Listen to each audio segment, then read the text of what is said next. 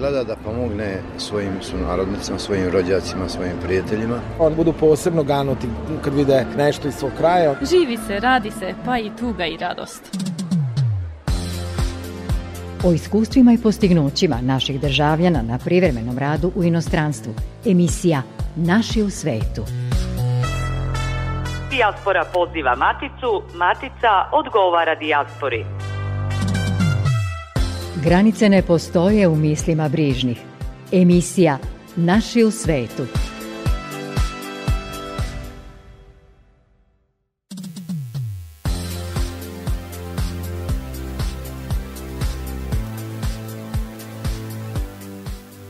Poštovani slušaoci, dobrodošli u novo izdanje emisije Naši u svetu. Ja sam Jelena Glušica, za ton pultom je Ivana Bogišić. U narednih pola sata čućete aktuelnosti iz života srpske zajednice u Mađarskoj, Sloveniji i Republici Srpskoj. Osvrnućemo se na nekoliko važnih događaja. Čućete kako je proteklo otkrivanje biste Nikoli Tesli u Pomazu kraj Sent Andreje i šta je dogovoreno na sastanku predstavnika Srba iz Matice i dijaspore u Budimpešti. Najavit ćemo mesec srpske kulture u Sloveniji koji se prvi put održava u toj zemlji, a ima za cilj da predstavi najbolje što srpska kultura ima da ponudi. Emisiju ćemo zaokružiti razgovorom s novosađankom Marinom Milošev, koja studira solo pevanje na Muzičkoj akademiji u Istočnom Sarajevu.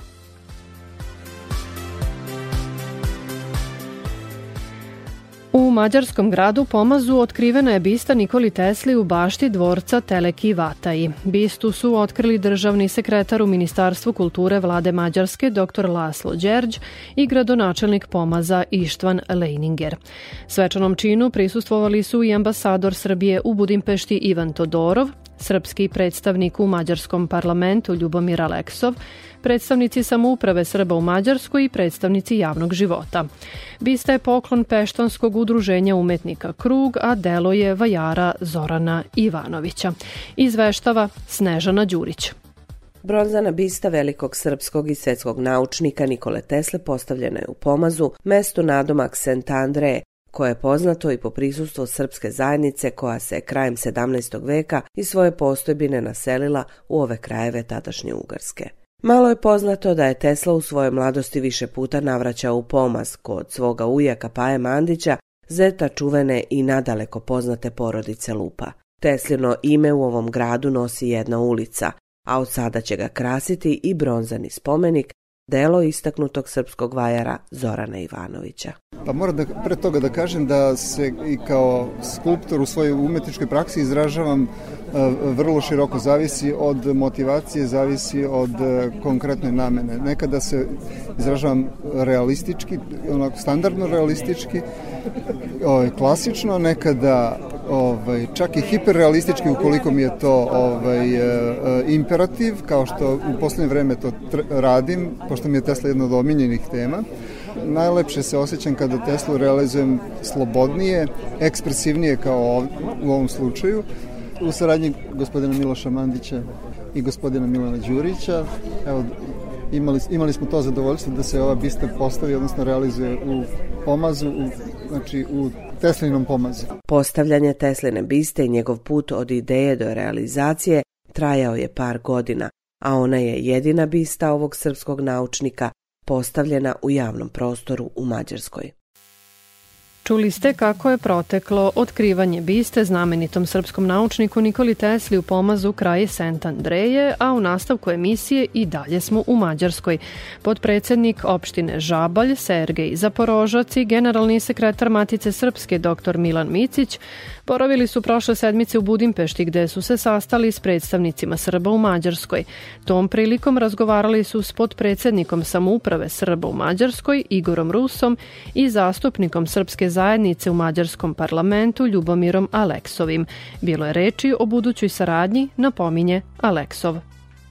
Matica Srpska ima sa raznim opštinama potpisan ugovor o saradnji, pa tako i sa opštinom Žabaj i pošto je gospodin Micić je stari naš e, prijatelj i autor mnogih izdanja koji se bave istorijatom, pogotovo 20. veka, Srba u Mađarskoj. Na njegovu inicijativu je boravio ovde sa njim gospodin Sergej Zaporožac koji je podpredsednik opštine i sa gospodinom Igorom Rusom podpredsednikom samouprave smo i primili i ovo, to je bilo kao neki prvi sastanak e, upoznavanje inicijative i njihov predlog je to da se nađu oni segmenti saradnje gde bi opština Žabaj, koja inače veoma napredna i, i, a i geografski je na relativno dobrom mestu blizu Novog Sada, bi mogla da se realizuje ne programe zajedno sa samoupravom Srba u Mađarskoj ili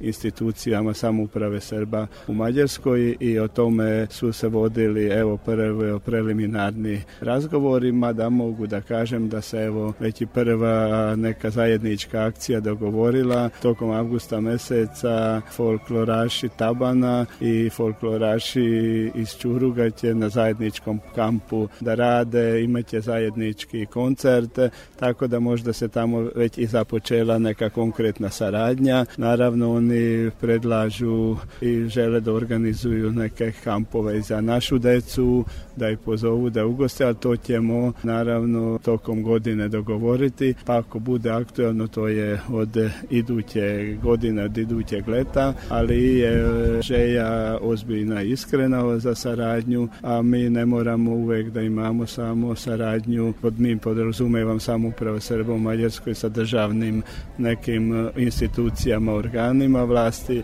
nego evo i ovake pojedinačne konkretne veze i tekako će da unaprede saradnju sa našom maticom. Putanja koja povezuje postoji, treba je samo utabati. Emisija Naši u svetu. Čuli ste Ljubomira Aleksova, a ovo nedeljni pregled aktuelnosti iz života srpske zajednice u Mađarskoj završit ćemo uz muziku. Naime, u godini kada obeležavaju dve decenije postojanja, Biljana Krstić i orkestar Bistrik održali su prošle sedmice koncert u Budimpešti u okviru festivala Belfest. Nastupili su na trgu Eržebet u organizaciji Udruženja Krug i Srpske samouprave u Mađarskoj. Slušamo utiske Biljane Krstić nakon održanog koncerta. A, pa moram da kažem da mi je malo bilo žao jer sam se uplašila da će kiša baš da pokvari ceo taj doživljaj, ali me oduševilo to što su ljudi uprkos kiši držali one kišobrane i pevali, skakali, čak i igrali kolo, a, tako da su nam dali tu neku snagu koja nam je jako bila važna da izdržimo, A mi smo se radovali naravno zato što Bistrik eto uspio je i svojih 20 godina jubilej da proslavi na ovom divnom festivalu. Beskreno smo zahvalni i publici i organizatorima i nadam se da ćemo još koji put gostovati u Budimpešti. Nama je mnogo bilo lepo. Prošlog petka u preponoj sali kluba Joe's Live u Čikagu pred oko 2000 ljudi održan je koncert Zdravka Čolića, javlja srpska televizija iz tog američkog grada. Poznati pevač, čija karijera traje više od 50 godina, otpevao je na veliko zadovoljstvo publike različitih generacija svoje najpoznatije hitove. Inače, koncert u Čikagu je rasprodat dve sedmice pre nastupa, a Čolić je nakon gostovanja u Atlanti, Los Angelesu, Torontu, Phoenixu, Vancouveru, Edmontonu i Čikagu Čikagu zaokružio ovogodišnju američku turneju nastupom u Njujorku 28. maja. Koncert je okupio dijasporu iz svih zemalja Balkana, a među zvanicama našli su se i predstavnici konzulata u Čikagu i ambasade u Vašingtonu. Slušamo u nastavku kratko utiske publike nakon koncerta u Čikagu. Zdravko je zdravko, glas, ništa se ne mijenja, ne stari, koncert kao je bio vino, odličan. Kao vino. Neverovatno sa 71 godinom da ima takvu energiju. To, to ne mogu poverovati. Fenomenalno. Čak je pjevao i za ove ovdje mladence Ti si mi u krvi. Da, bili su to utisci publike sa koncerta Zdravka Čolića u Čikagu. Ovo je emisija Naši u svetu prvog programa Radio Novog Sada.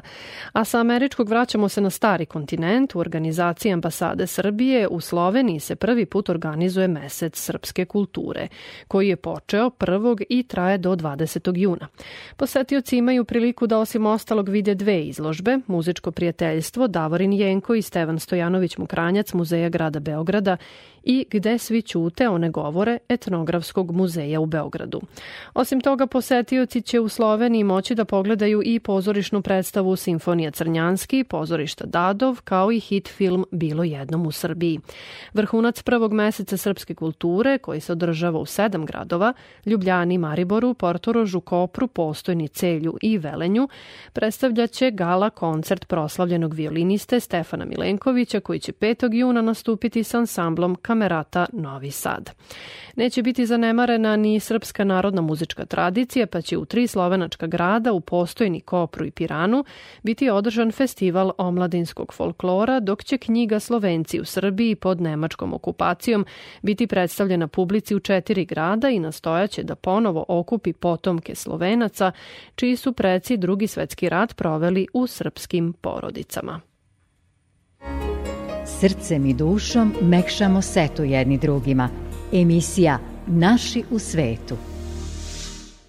Dakle, prvi omladinski festival folklora, dijaspore i regiona, kao što ste čuli, biće održan predstojećeg vikenda u Sloveniji. Domaćini će biti Postojna, Kopar i Piran. Učestvuje 13 ansambala sa oko 600 izvođača. Sagovornik koleginice Gordane Gligorić iz Radio Beograda je predsednik Saveza Srba Slovenije Vladimir Kokanović.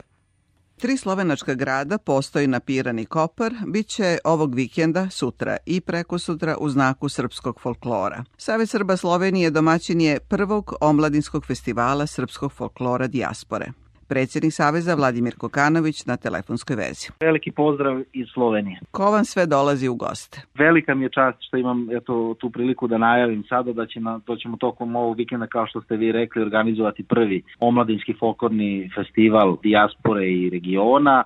Veliko interesovanje bilo i, i veliki je broj društava koji će se odazvati tokom ovog vikenda. Dolaze nam naši sunarodnici iz Austrije, iz Nemačke, naravno iz e, Slovenije, Italije, Švajcarske, gotovo dakle čitave, čitave Evrope i iz naše Francuske. Ja ću ipak samo da pred, e, nego što nastavimo razgovor napomenem da je ovo zašto je takođe ovaj omladinski festival vrlo, vrlo značajan, uh, jeste zato što, smo, zato što je ovo praktično jedan od prvih festivala koji se održava nakon pandemije korone i iz tog razloga mi smo se odvažili da eto budemo jedni od prvih organizacija koje će okupiti naše sunarodnike, odnosno čuvare naše kulture iz regiona i čitave dijaspore na jednom mestu kako bismo se ponovo odružili, kako bismo ponovo se okupili i promovisali našu divnu tradiciju, našu divnu igru i etnomuzikologiju na ovim prostorima.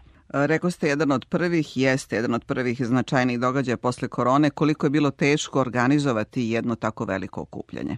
Bilo je izuzetno teško organizovati, zapravo bilo je jako teško, iako je želja naravno svih društava srpskih iz gotovo čitave dijaspore velika da se ponovo pokrenu i ponovo rade i vežbu, međutim izuzetno veliki problem naravno bio budući da eto napominjem da gotovo mali broj društava je zaista imao mogućnosti da uopšte trenira, odnosno da ima probe tokom čitavih ovih e, nesrećnih meseci, a mogu da kažem i godina koji su iza nas, vidjet ćemo na ono što će biti u budućem periodu, tako da smo imali jedan težak zadatak na samom početku da pokrenemo ovu ideju i da se odvažimo na ovaj, na ovaj korak i mogu da kažem da interesovanje bilo izuzetno veliko i napomenuo bih da je ogromno bilo interesovanje ljudi i veliki broj društava se je, je nas zvao, ali rekli su naravno da oni trenutno nisu u mogućnosti da uopšte okupe grupu ponovo, na moju veliku žalost, ali veliki broj društava to jeste uradio.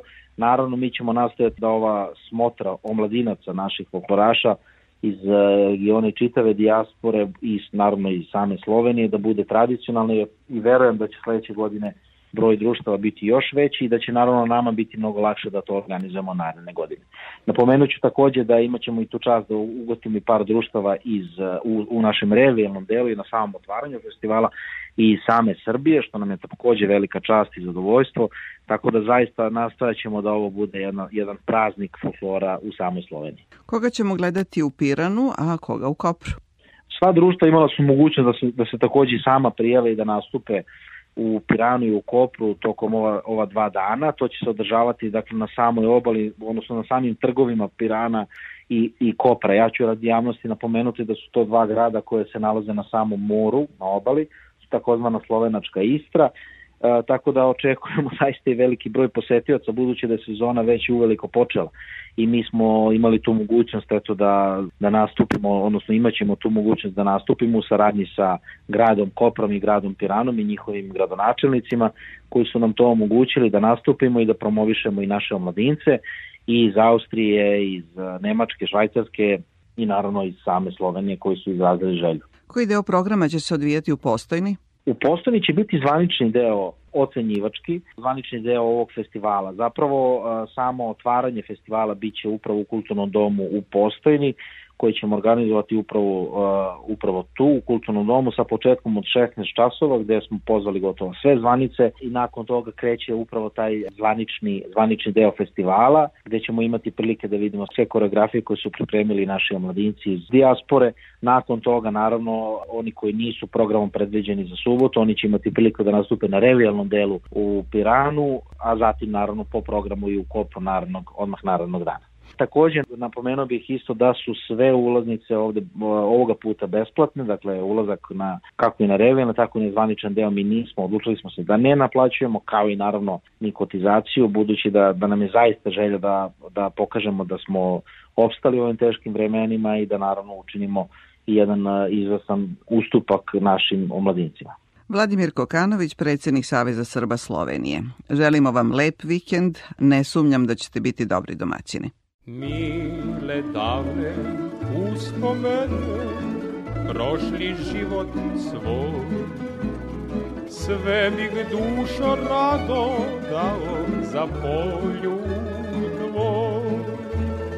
Samo reci mi da me ljubiš ti Pa da živim ko svi srećni, presrećni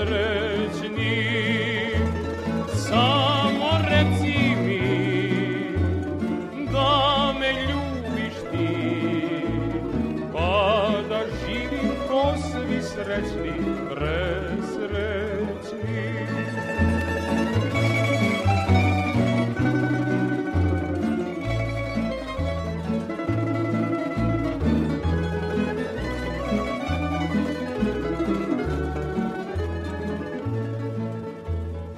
Zlatan ključ bi meni bio žarki poljuta Ja njime otvorio tvom srcu vrat Samo reci mi da me ljubiš ti Pa da živim ko svi srećni, presrećni. Samo reci mi da me ljubiš ti Pa da živim svi srećni, presrećni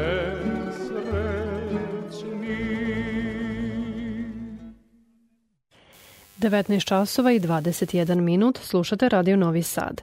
U poslednjem segmentu emisije Naši u svetu predstavljamo mladu muzičku umetnicu novosađanku Marinu Milošev koja je nakon završene srednje muzičke škole u rodnom gradu odlučila da školovanje nastavi na Muzičkoj akademiji Univerziteta u Istočnom Sarajevu. Sada je na trećoj godini solo pevanja u klasi profesorke Sanje Ostić, a nedavno je održala prvi solistički koncert u jednoj od koncertnih sala u novoj zgradi muzičke škole Isidor Bajić. To je bila prilika da razgovaramo sa Marinom koja kaže da joj je odlazak na studije u Republiku Srpsku pružio mnogo prilika za usavršavanje, kako u profesionalnom, tako i u ličnom pogledu. Marina je još kao devojčica pevala i igrala u kulturno-umetničkom društvu Sonja Marinković da bi kasnije upisala hornu u nižoj muzičkoj školi. Osim tehničke škole Pavle Savić, gde je završila srednjoškolsko obrazovanje na smeru za industrijskog farmaceutskog tehničara, Marina je učila i solo pevanje u klasi profesorki Milane Vuksan i Anđele Čivović-Saramandić. Paralelno je studirala na Visokoj strukovnoj školi za obrazovanje vaspitača, ali potajno se nadala da će njen životni poziv ipak biti muzika. A kako je odabrala baš muzičku akademiju u istočnom Sarajevu, Marina priča. Izbor na istočno Sarajevo je došao tako što sam ja došla do četvrtog razreda srednje muzičke škole i želela sam da odem u svet da studiram solo pevanje, ali uvek se nešto izjelovilo, tako da sam imala dosta opcija da odem preko, bile su opcije da odem za Nemačku, Austriju ili Sloveniju, ali jednostavno nije se desila. I u momentu kada sam ja odlučila, pošto sam studiram i na drugom fakultetu, ja sam strukovni vaspitač, kada sam odlučila da ću da ostanem u pedagogiji, ali da se neću baviti umetnošću i muzikom, e, sutradan se desilo da sam dobila poziv od profesorice mog, mog sadašnjeg mentora, magistra Sanja Ostić, radovnog profesora iz Istočnog Sarajeva, sa pitanjem da li ja želim da studiram kod nje i da je ona dobila moj broj i da je čula moje snimke na YouTube-u. I ja sam prvom prilikom otišla, mislim da je bio neki 10. januar 2019. godine, kada sam ja otišla prvi put u Sarajevo, zaljubila se u grad, na prvi pogled je padao prelep sneg. eto, desilo se da sam ja ostvarila kontakt sa profesoricom i te godine sam u junu upisala muzičku akademiju u Istočnom Sarajevu i 28. septembra se preselila iste godine u Istočno Sarajevo. Da li je bio dobar izbor? Jeste. Zadovoljna sam što sam otišla tamo jer sam dobila jedno, pre svega jako lepo iskustvo, a pre toga jako dobro znanje i imam zaista dobrog mentora koji mi je preneo sva svoje iskustva i znanja koje posjeduje, a pre svega je dobar metodičar, što je jako bitno u našem poslu da nas nauči da mi pošteno radimo ovaj posao. Za one koji se pitaju kako izgledaju studije solo pevanja, odnosno šta budući vokalni umetnici osim časova pevanja imaju od predmeta tokom školovanja, Marina objašnjava, naglašavajući da kao solista rado peva i u horskim ansamblima Muzičke akademije. Mi pored časova solo pevanja na mom smeru Imamo i predavanje iz operskog studija koju drži profesorica dr. Željka Milanović. Imamo horove, e, akademski hor koji takođe drži ista profesorica i kamerni hor koji drži profesor Rade Radović. Tako imamo i glumu koju drži profesor Ljuba Božović, sa kojim evo upravo za koju nedelju treba da imamo premijeru predstave Ženski razgovori od Duška Radovića i veoma se radujemo. To je nam je ujedno ispitna predstava za treću godinu. Program na kom studiram je kvalitetan zato što dobijam i praktični rad, a pored toga dobijam jako dobar teoretski rad. Marinin prvi solistički koncert u Novom Sadu bio je ujedno i povod da se ostvari saradnja između muzičke škole Isidor Bajić i Muzičke akademije u istočnom Sarajevu. Sporazum su potpisale direktorka Bajićeve muzičke škole Radmila Rakin Martinović i dekan Muzičke akademije Maja Žuža. Marina nam je objasnila da obrazovna ustanova gde se ona školuje insistira na saradnji sa drugim muzičkim školama i akademijama te da profesori u istočnom Sarajevu u značajnom broju dolaze upravo iz Srbije. Dolaze studenti ne samo iz Bosne i Hercegovine, gde je smeštena akademija, već dolaze e, dosta njih iz Srbije, Hrvatske, Slovenije, Makedonije. Smer za harmoniku je jedan od najznačajnijih na Balkanu. Pored toga što imamo smer za harmoniku, imamo smer za violinu, violončelo, violu i imamo smer za flautu. Pored toga imamo i smer za solo pevanje, kao i smer za crkveno pojanje, koji je, mislim, jedini u regionu smer za srpsku pravoslavnu muziku. I još ono što je posebno, što dolaze profesori sa strane. Nemate osjećaj da studirate u Bosni, na primer. Predaju klavir profesorka Rita Kinka iz Novog Sada, profesor Zoran Jančić iz Sarajeva, mnogi eminentni profesori kao što je Jovan Bogosavljević violinu, Predrag Đoković na crkvenom pojanju, Rade Radović, koji je takođe šef katedre.